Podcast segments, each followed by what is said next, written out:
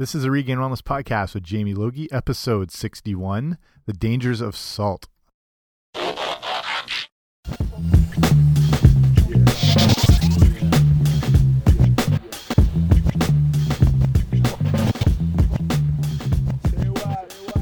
Hey guys, what's happening? Welcome back to the podcast. I'm Jamie Logie. I run regainedwellness.com, and this is the Regained Wellness podcast, and this is episode 61. Number 61, Rick Nash, if you're a hockey fan. And today we are talking about salt.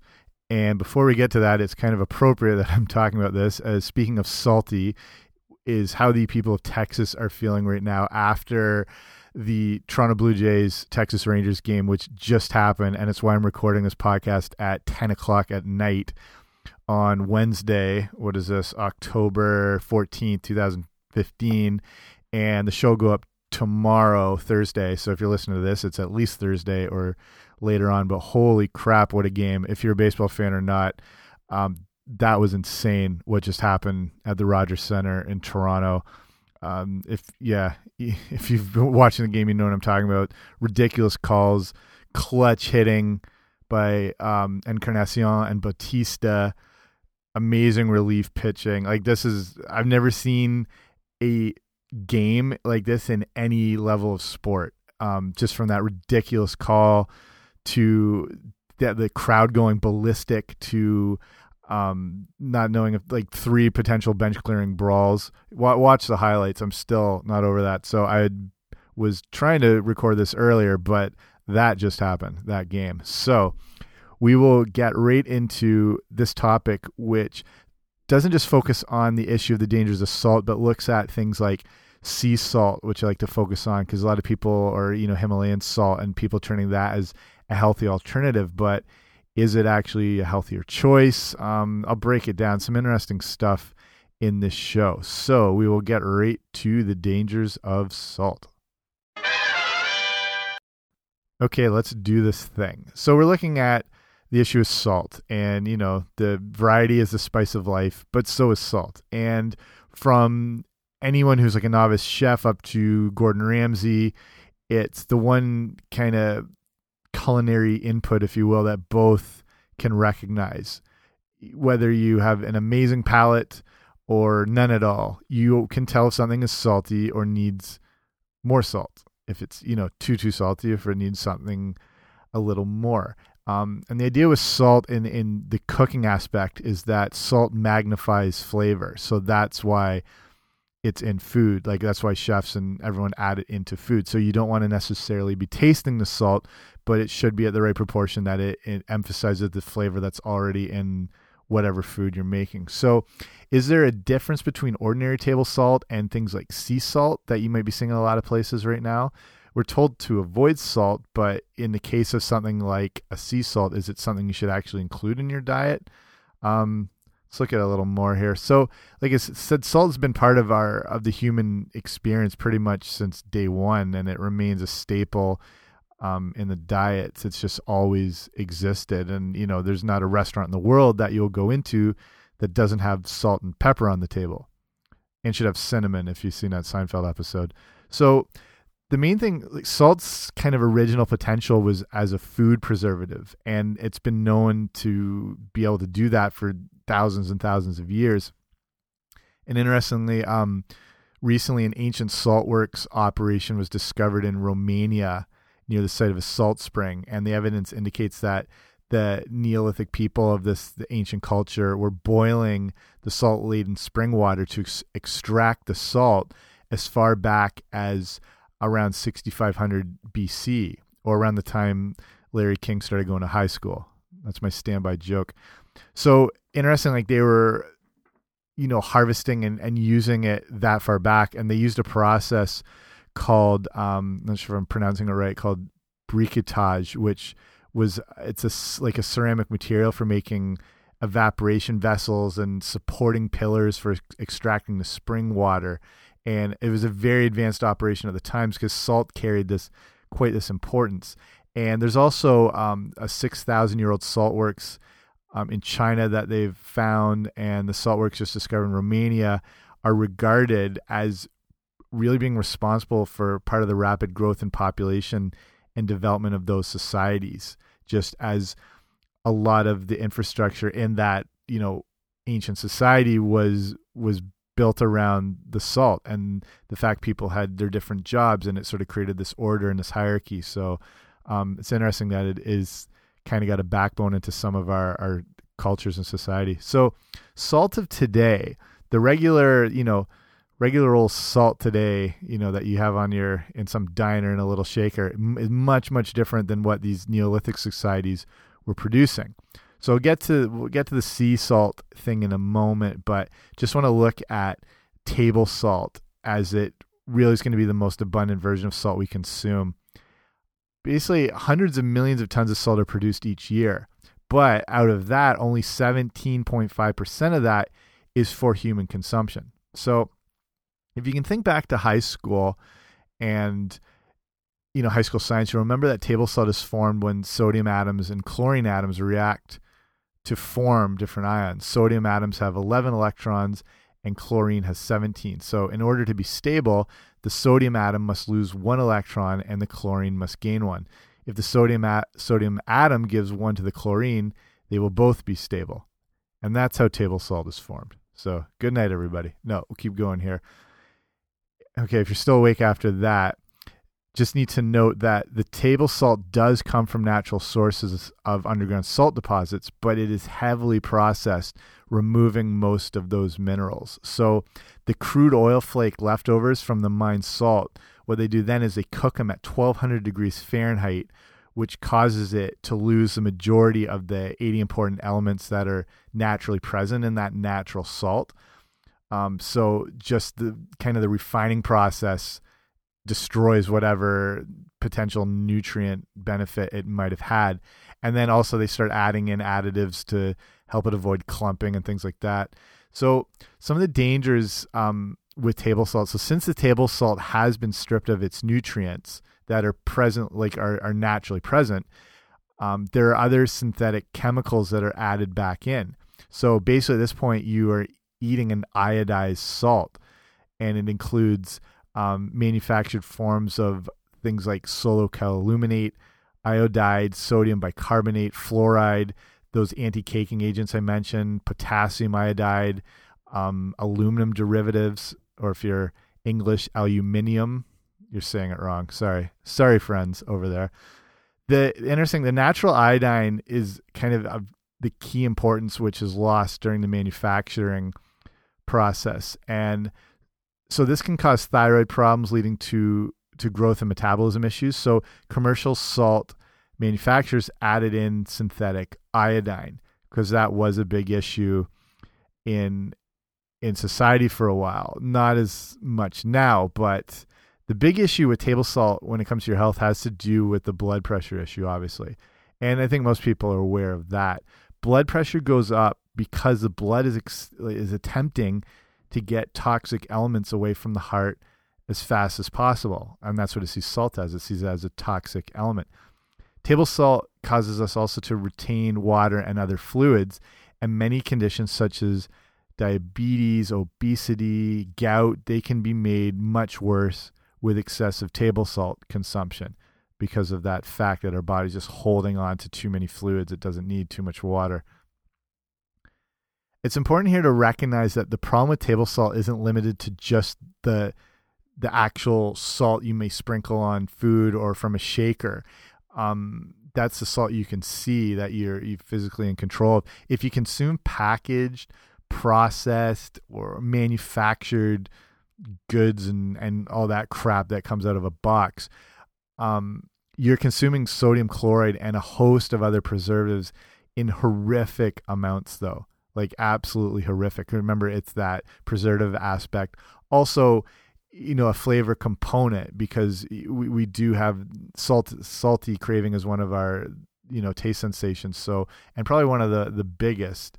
Um, so a lot of the stuff is not put in there obviously by accident. So the issue then, you know, besides like the water retention and mentioned, the salt and these preservatives from any of the manufactured processed foods they lead to you know things like swelling along with um, you know there's kidney problems thyroid problems liver problems goiters, hypertension, obviously, heart disease, um, it, uh, muscle cramps, the the whole water retention issue, stroke, heart failure, depression. It's connected with things like anxiety.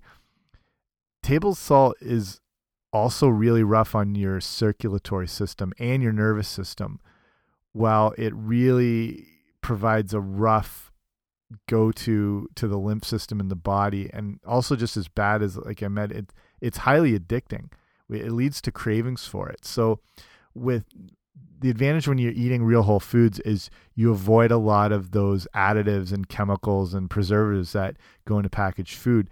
At this point you you know you might be overdoing it with the salt, but at least that's something you can start to control and eliminate, um, and or at least drastically reduce. The the longer you're eating processed manufactured foods and fast foods, you are completely at the mercy of the amount of um, of sodium and crap that goes into these things that cause all those issues I just listed off, and it's you know completely out of your hands. And that's just what's listed. You're not even really sure the actual content that's in some of these foods, and then depending on how many servings of things you're eating, it can get a little hazy. So your actual sodium consumption could be absolutely through the roof if you're really not aware of it. So let's move on to sea salt um, and what it is. Is it more beneficial? Sea salt is simply it's evaporated seawater. It it has been produced for thousands of years, and honestly, the process remains pretty unchanged to this day. So the way they they make sea salt is it starts with a a series of interlocking ponds. Um, they're created that are exposed to sun and wind. So as the water evaporates, the salt concentrates and it's moved along the chain of these ponds closer to the harvesting facility. So once it's ready for harvesting, a truck with basically a rake attachment breaks up the salt bed, and then the salt is transferred to trucks, which carry the salt to a washing facility. So from there, the salt is rinsed in a, a brine solution to remove calcium and impurities, and then actual then like they use the actual local water water to remove magnesium chloride and what's left is 99.8% pure sea salt. So from there, the finished salt is transferred to outdoor mounds where a crust develops which protects the sea salt underneath. Um, kind of like a rind, sort of like like with cheese. I don't know if you've been to some of the countries that um, produce these in some of the European countries and Mediterranean areas, and you see these kind of big, huge salt mounds that look like salt pyramids almost. So depending on the location, the start um, process to when they finally box it can take upwards of five years. So this is a long, drawn out process to create um, this product. So the question with sea salt: Are there any health benefits to it? So there's there's a lot more attention on sea salt these days with it being more readily available in grocery stores. Um, you'll, you'll see all different forms of it, and you, and you'll see even like manufactured products that promote the use of sea salt, even if it's like chips. It's like you know salt and vinegar chips with sea salt, or um, other snacks. It just the you know companies know that it's kind of a popular go-to option, and they really have tried to promote their use of sea salt in products and and bringing it on board. So the issue with the health benefits, the truth is when it comes to restricting sodium, if you need to restrict sodium, sea salt is not going to help you with that. Um, there seems to be some confusion that sea salt is, is somehow lower in sodium, but it really isn't. So the advantage sea salt has is that it is a naturally made substance that would be more recognized by the body as opposed to like the sodium chloride, which is essentially a chemical. You know what I mean? So sea salt does contain 82 essential trace minerals. That's in the sea salt. It includes things like sodium, potassium, calcium, magnesium, bromide, chloride, iron, copper. It's got some zinc. Problem, however, though, is these minerals are not exclusive to sea salt. There are plenty of natural foods that contain higher quantities of these minerals but without the sodium. And two big examples right off the bat are going to be things like kale and broccoli. So you're going to be getting all those minerals. You're not going to be getting the sodium, and you're obviously sorry, obviously going to be getting great phytonutrients. So, you know, the antioxidant content from the plant. So, you know, cancer fighting compounds, um, things that, pre, you know, prevent premature aging. You've got um, good soluble fiber in there. You've got protein. You've got, uh, it's even like it's a source of, of water. You get all those things that combine to help, you know, keep you fuller and for longer. And it's not going to make you retain water and something like that. So that's the advantage of going with some of like the real whole food choices. So some people will use sea salt and say that's the way to get their minerals, but the truth is you're going to get them from some of these sources in a better quantity and in avoiding the sodium at the same time. So, like I said, you know, it, sea salt's been a nice feature for food manufacturers to be able to add to products and I find it's a way for them to be able to say something their product is more natural.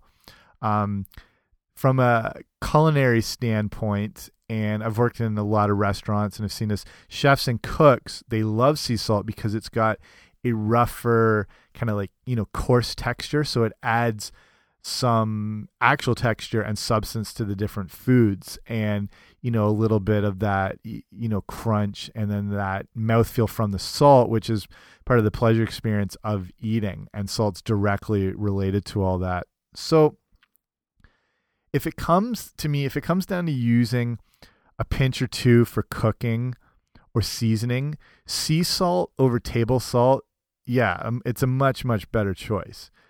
Um, so to me, it's all about making the best choices in that particular situation. So ideally, you wouldn't need added salt to make something taste better. Um, but like I said at the top of the show, if when used in cooking, it can magnify flavors.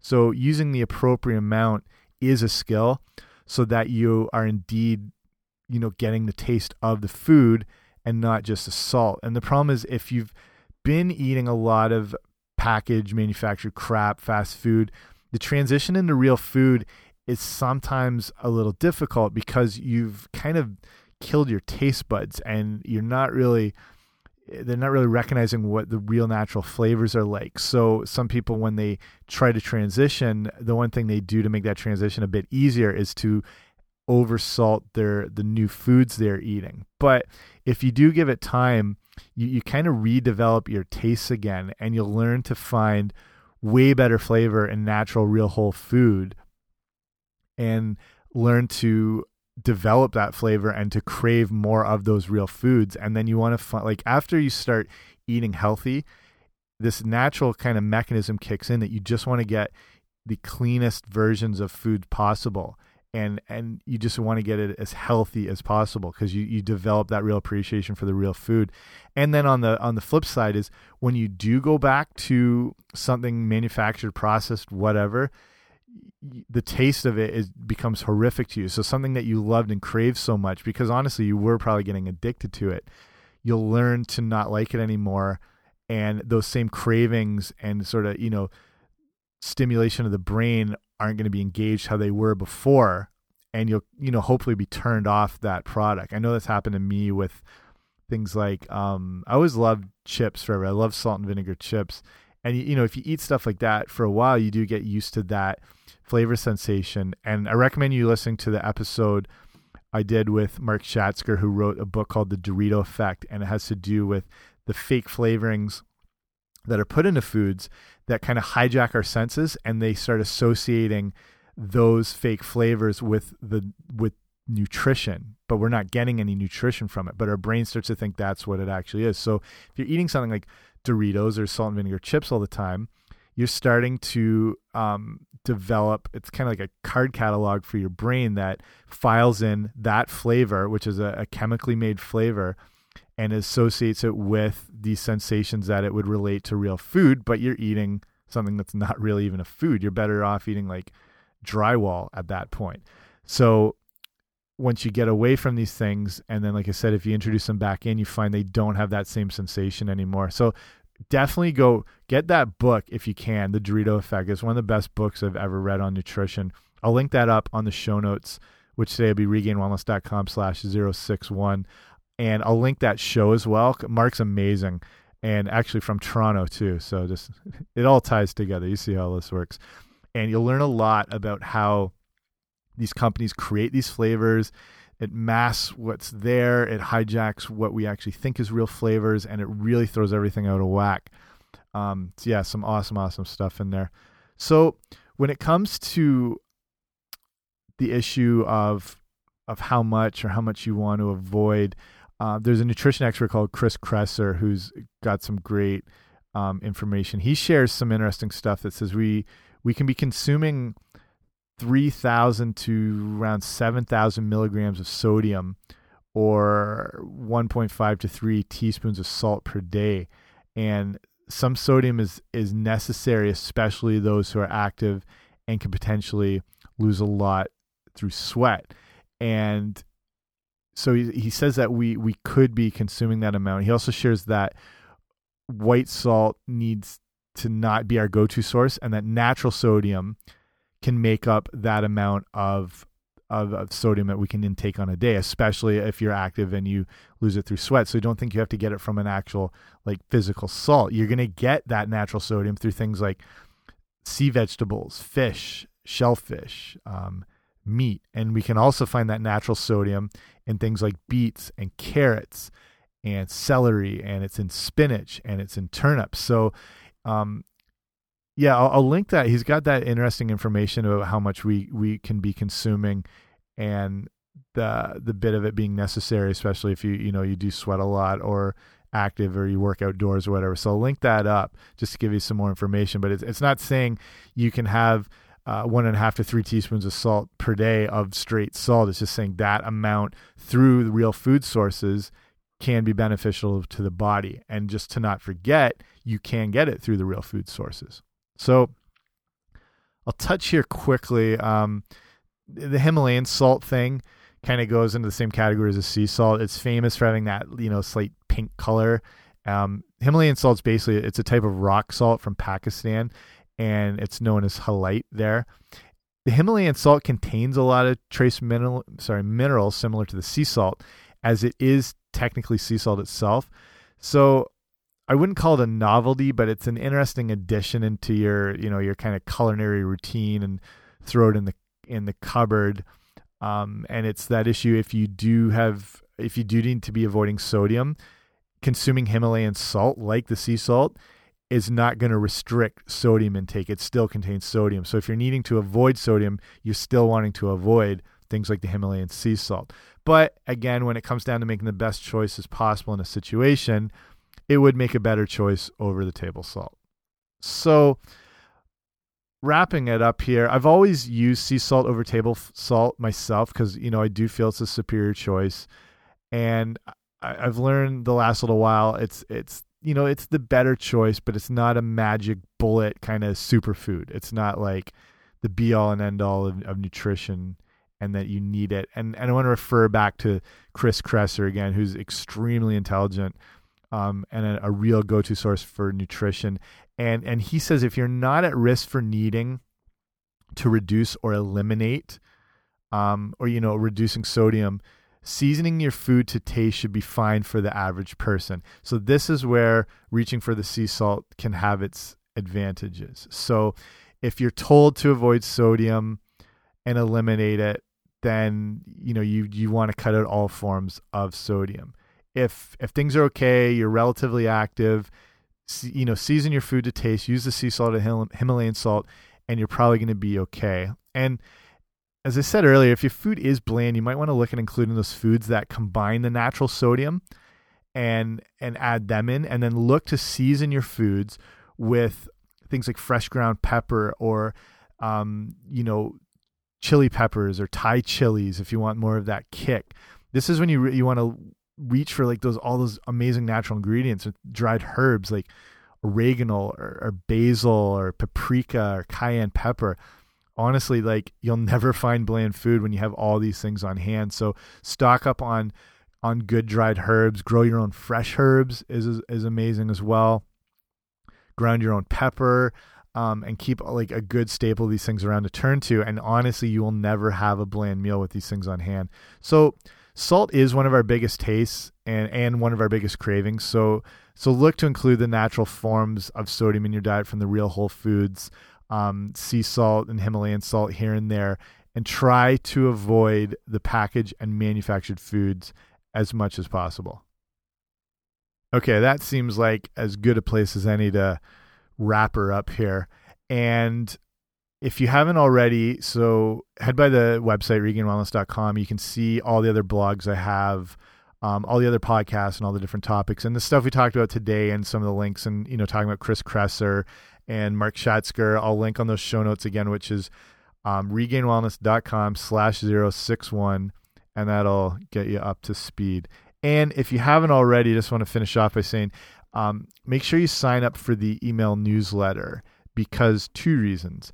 Um, first is a lot of the I, will share a lot of good nutrition info that I only share through email for the people who sign up. There's a ton of good stuff on the site, but when you're on the email list, it's more of a personal thing, and you know you can respond back, we can talk, whatever. No big whoop. So um, I encourage you to do that. And the other reason is that when you do sign up, I send you off a free gift, which is an ebook I put together called the Healthy Eating Starter Kit. So if you're new to new to nutrition, it gets you up to speed with things you want to be avoiding, and we touched a little bit on that here, and why you want to be avoiding it. So it covers some other stuff, you know, like the sugar issue, trans fats, high fructose corn syrup, and all that. So, and especially why you want to be avoiding them. And then it starts breaking down the things you want to include in your diet and the big reason why you need to be including those and the benefits that come from it. And like touched on shortly there with the kale broccoli thing, that you get the natural sodium and then you get a lot of those other benefits like the phytonutrients, the fiber, the protein, the whole deal. So, and it's also got some recipes. So, get you get you off and running like a herd of turtles. And you can get that by going to regainedwellness.com slash guide. So throw your electronic mail address in there and I'll do the rest and it'll be sent right off to you. So thank you for joining me today. Thank you for taking the time to listen. I know there's a ton of podcasts out there. So the fact you're stopping by here means a lot. Go Jays, go sports, everything to do with sports and your health and your wellness. If you have questions, um, feel free to email me info at regainedwellness.com. Hopefully, I can help. Or if you want to see other stuff, you know, topics covered on this show. And remember, while you're making your own progress in your health and your wellness journey, and you're trying to get your nutrition on track, getting your fitness up together, getting everything on point, wrapping it all up, it's not always going to go perfect. You're going to make mistakes. There are going to be slip ups here and there, but that's not the issue. The idea is that you constantly make progress and not perfection. So see you next time. Bye.